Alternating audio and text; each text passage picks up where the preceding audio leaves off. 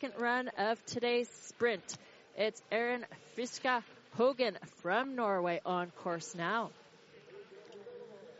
And the nice thing about Erin this morning, she had a bit of a spill, had a difficult first run, missed a few gates, but she literally just climbed back up the mountain to get around those gates and finish that first run so she could participate in the second run here this afternoon.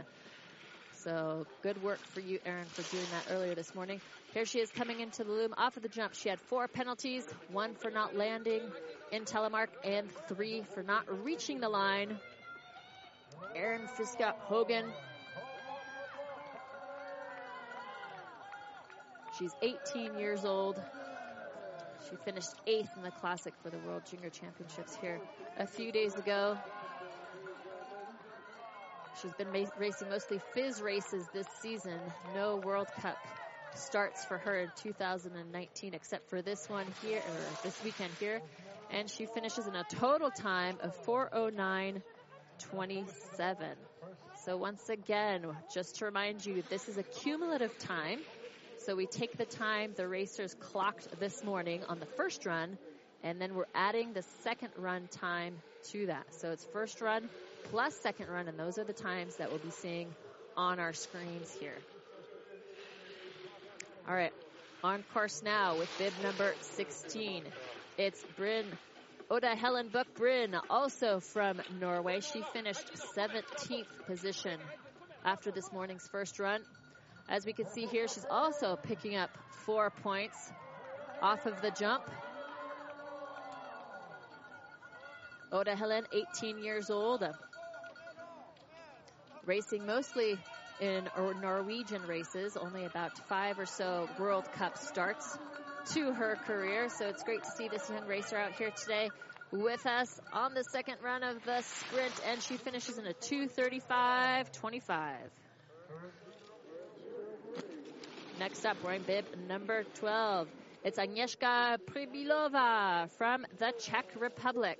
She's picking up four points off the jump, and Agnieszka had a bit of trouble on the first run, actually. She didn't do her inspection properly this morning and wasn't really confident of which way to go in reg- regards to the gate after her jump, since she got really confused there this morning. We hope she did a better inspection this afternoon on the second run.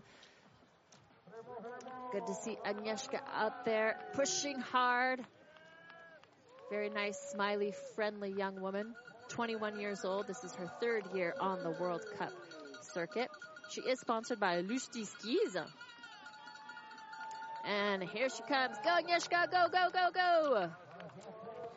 And she'll finish in a 229.99.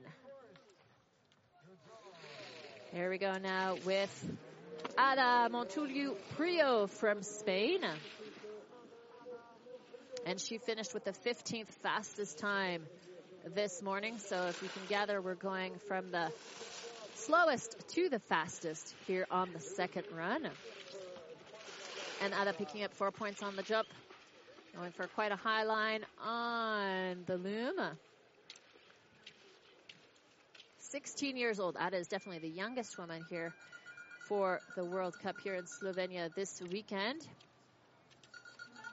She has no prior World Cup experience to this to this weekend, and not even any FIS results actually. So, uh, brand new athlete to the tour here. All right, come on, Ada.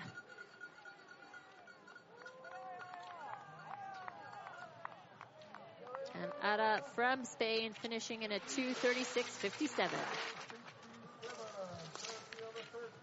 Great experience for this young telemark racer. Next up, from Slovenia, Katarina Malenšek. 21 years old.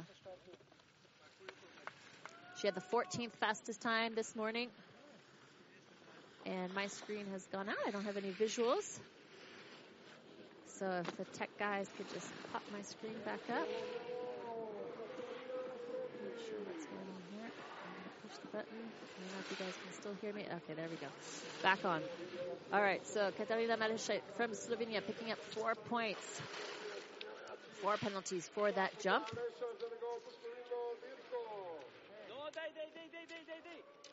Her first World Cup start was back in 2016 here in her home country of Slovenia, which is often the case for the racers.